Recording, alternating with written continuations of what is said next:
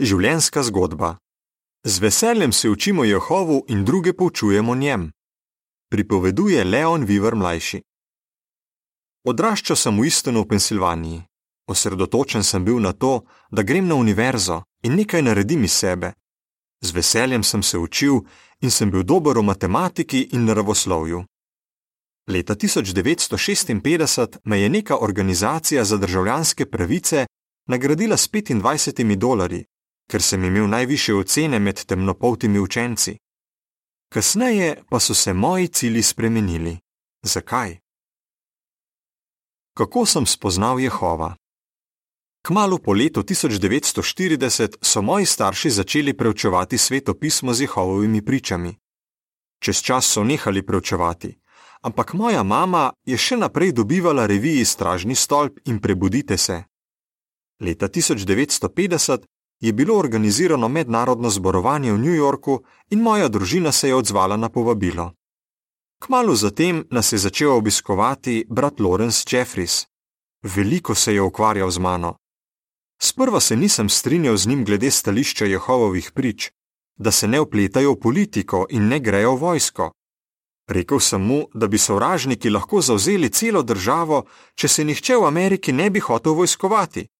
Brat Jeffries mi je potrpežljivo odgovoril: Kaj misliš, da bi Bog Jehova naredil, če bi mu vsi ljudje v Ameriki služili in bi jih napadli sovražniki? Njegovi odgovori na to in druga vprašanja so mi pomagali videti, da moji pomisliki niso utemeljeni. To je vzbudilo moje zanimanje. Cele ure sem bral starejše izdaje Stražnega stolpa in Prebudite se, ki jih je mama hranila v kleti. Sčasoma sem ugotovil, da je to resnica. Zato sem privolil, da brat Jeffries z mano preučuje sveto pismo. Poleg tega sem začel redno obiskovati shode. Resnico sem vzljubil in postal oznanevalec dobre novice. Ko sem razumel, da je blizu Jehovov veliki dan, sem spremenil svoje cilje. Nič več mi ni zanimala univerza, ampak sem želel druge poučevati o svetopisemski resnici. Srednjo šolo sem zaključil 13. junija 1956 in se tri dni kasneje krstil na okrajnem zboru. Še sanjalo se mi ni, koliko blagoslovov mi bo prineslo to, da se učimo Jehovu in druge poučujemo njem. Učenje in poučevanje kot pionir. Šest mesecev po krstu sem postal redni pionir. Decembra 1956 je bil v naši kraljestveni strežbi članek z naslovom Ali bi lahko služil tam, kjer se potrebuje več oznanjevalcev? To vabilo je veljalo tudi zame. Želel sem pomagati tam, kjer je bilo samo nekaj oznanjevalcev dobre novice. Preselil sem se v mesto Edgefield v Južni Karolini. V tamkajšnji občini so bili samo štirje oznanjevalci, z mano vred nas je bilo pet. Shode smo imeli v dnevni sobi v hiši nekega brata. Vsak mesec sem sto ur namenil oznanjevanju. Zelo sem bil zaposlen z oznanjevanjem in točkami na shodu. In zanimivo, več ko sem delal za občino, več sem se naučil o Jehovu. Neka ženska, s katero sem preučeval sveto pismo, je imela nekaj kilometrov stran pogrebno podjetje v mestu Johnston. Prijazno mi je ponudila delo s krajšim delovnim časom in nam dala na razpolago majhno stavbo, da bi imeli v njej shode. Brat Jolly Jeffries, sin brata, ki je z mano preučeval, se je iz Brooklyna v New Yorku preselil v mesto, v katerem sem živel. Skupaj sva pionirala in stanovala v majhni prikolici, ki nama jo je posodil neki brat. Plače na jugu Združenih držav so bile zelo nizke. Zaslužili smo dva ali tri dolarje na dan. Nekoč sem porabil še zadnji drobiž, da sem si kupil nekaj hrane v trgovini. Ko sem prišel ven, je k meni pristopil neki moški in me vprašal: Ali bi rad delal? Plačal ti bom dolar na uro. Na to sem tri dni čistil neko gradbišče. Očitno je Jehova želel, da ostanem v Edgefieldu. Kljub skromnim sredstvom sem leta 1958 obiskal mednarodno zborovanje v New Yorku. Drugi dan zborovanja pa se je zgodilo nekaj posebnega. Spoznal sem Ruby Wedlington, ki je služila kot redna pionirka v mestu Galatin v Tennesseeju.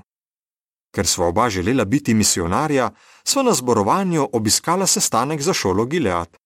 Kasneje sva si začela dopisovati. Na to so me povabili v Galatin, da bi imel javni govor. Izkoristil sem priložnost in jo vprašal, ali bi se poročila z mano. Preselil sem se v njeno občino in leta 1959 sva postala mož in žena. Učenje in poučevanje v občini. Ko sem bil star 23 let, sem bil v Galatinu postavljen za sluga skupščine, zdaj se imenuje koordinator starešinstva. Bili smo prva občina, ki jo je Charles Thompson obiskal kot novo postavljeni okrajni nadzornik. Imel je veliko izkušenj, vseeno pa me je vprašal za mnenje o tem, kaj potrebujejo bratje in sestre in kako so drugi okrajni nadzorniki skrbeli za občine. Od njega sem se naučil, da je dobro postavljati vprašanja, da izveš vsa dejstva, preden rešuješ kakšno zadevo. Maja 1964 sem bil povabljen v kraljestveno strežbeno šolo v South Lansingu v zvezdni državi New York. Trajala je en mesec. Bratje, ki so bili učitelji v tej šoli, so meni vzbudili močno željo, da se še več naučimo Jehovu in duhovno napredujem. Učenje in poučevanje kot okrajni in območni nadzornik. Januarja 1965 so bila z Rubi povabljena v okrajno službo. Dodeljena so bila na področje, ki se je raztezalo vse od Knoxvilla v Tennesseeju pa skoraj do Richmonda v Virginiji. Zajemalo je občine v Severni Karolini, Kentuckyju in Zahodni Virginiji. Služil sem v občinah, v katerih so bili samo temnopolti bratje in sestre, ker je bilo v južnem delu Združenih držav takrat uzakonjeno rasno ločevanje. Zato na shodih niso mogli biti skupaj belci in črnci.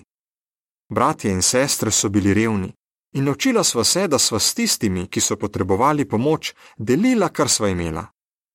Neki dolgoleten okrajni nadzornik me je naučil nekaj pomembnega. Rekel mi je: Obnašaj se kot brat, ne pridi v občino kot šef, Pomagal jim boš lahko, samo če bodo na te gledali kot na svojega brata. Ko sva obiskala neko majhno občino, je Rubi začela preučevati z mlado žensko, ki je imela leto staro hčerkico. Ker nišče v občini ni mogel z njo voditi tečaja, je Rubi to delala po pismih. Ko sva naslednjič obiskala občino, je bila že redno na shodih. V to občino sta bili čez čas dodeljeni dve posebni pionirki nadaljevali sta tečaj z njo in kmalo se je krstila. Kakšnih 30 let kasneje, leta 1995, se je moji ženi v Betelu Petersonu predstavila neka mlada sestra. Bila je hči ženske, s katero je Rubi preučevala, z možem sta bila učenca stotega razreda šole Gilead. Na en drugi okraj je bila osrednja Florida. Takrat sva potrebovala avto, zato sva ga kupila po zelo ugodni ceni vendar se je že prvi teden pokvarila vodna črpalka. Za popravilo nisva imela denarja, zato sem poklical nekega brata, ki bi nam lahko pomagal. Enemu od svojih delavcev je naročil, naj popravi avto in ni želel nobenega denarja. Rekel je samo: Je že urejeno. Celo dal nama je nekaj denarja. To je bil lep primer, kako Jehova poskrbi za svoje služabnike. Spomnil naj jo je na to, da morava tudi midva biti radodarna. Vsakič, ko sva obiskala kakšno občino, sva stanovala pri sovernikih. Tako sva spletla veliko trajnih prijateljstev. Nekega dne sem na pol zaključeno poročilo o občini pustil v pisalnem stroju. Ko sem se zvečer vrnil, sem izvedel, da mi je triletni sin družine, pri kateri sva stanovala, pomagal dokončati poročilo. Še veliko let sem ga hecal na ta račun. Leta 1971 sem dobil pismo, v katerem sem bil obveščen, da bom služil kot območni nadzornik v mestu New York. Bila sva šokirana. Imel sem komaj 34 let. Bratje in sestre so me kot svojega prvega temnopoltega območnega nadzornika prisrčno sprejeli. Kot območni nadzornik sem vsak vikend na okrajnem zboru druge poučeval v Jehovu. Veliko okrajnih nadzornikov je imelo več izkušenj kot jaz. Eden od njih je imel govor za moj krst, drugi, brat Theodor Jeras, je kasneje postal član vodstvenega organa. Mnogo izkušenih bratov je tudi služilo v Brooklynskem Betelu. Okrajnim nadzornikom in betelčanom sem bil zelo hvaležen, da so poskrbeli, da sem se dobro počutil. Na lastne oči sem videl, da so to ljubeči pastiri, ki so se zanašali na Božjo besedo in zvesto podpirali organizacijo. Ker so bili ponižni, sem lažje služil kot območni nadzornik. Nazaj v okrajno delo. Leta 1974 je vodstveni organ določil naslednjo skupino okrajnih nadzornikov za območno delo. Jaz pa sem spet služil kot okrajni nadzornik, tokrat v Južni Karolini. Belopolti in temnopolti okraji in občine takrat niso bili več ločeni in brati in sestre so bili tega zelo veseli. Konec leta 1976 sem bil dodeljen v okraj med Atlanto in Kolumbusom v Džordži. Živo se spomnim, ko sem imel pogrebni govor za pet temnopoltih otrok, ki so umrli, ko so v njihovo hišo vrgli zažigalno bombo. Mama je bila zaradi poškodb po bolnišnici. Njo in njenega moža je obiskalo veliko Jehovovih prič, tako belcev kot črncev, da bi jo tolažili. Videl sem pravo bratsko ljubezen na delu. Takšno sočutje lahko božjim služabnikom pomaga prestati tudi najtežje okoliščine. Učenje in poučevanje v Betelu.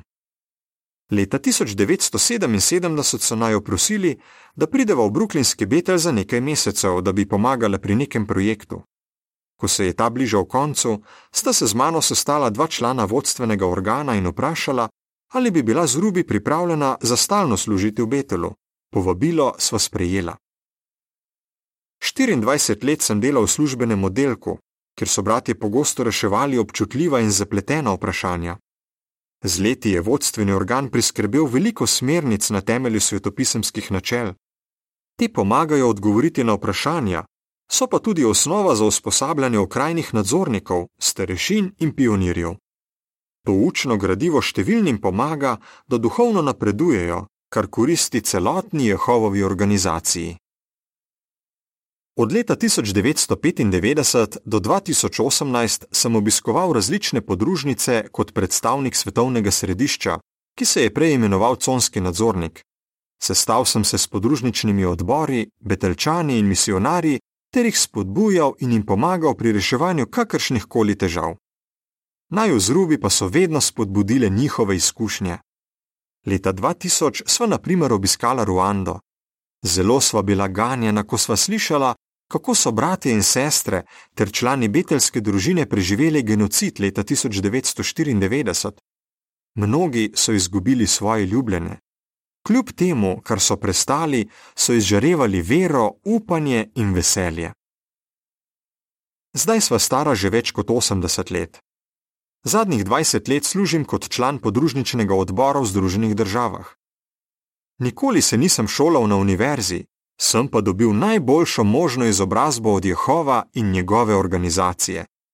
S pomočjo te izobrazbe lahko druge poučujemo o svetopisemskih resnicah, ki jim lahko večno koristijo.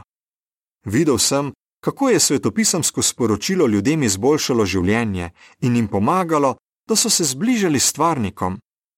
Z rubi vedno spodbujava druge, naj cenijo to, da se lahko učijo o Jehovu in poučujejo druge o svetopisamskih resnicah. To je največja čast, ki jo ima lahko Jehovov služabnik. Konec članka. Če želite več informacij, prosimo, obiščite naše spletno mesto www.jdvojnjev.org poševnica sl. Konec revije.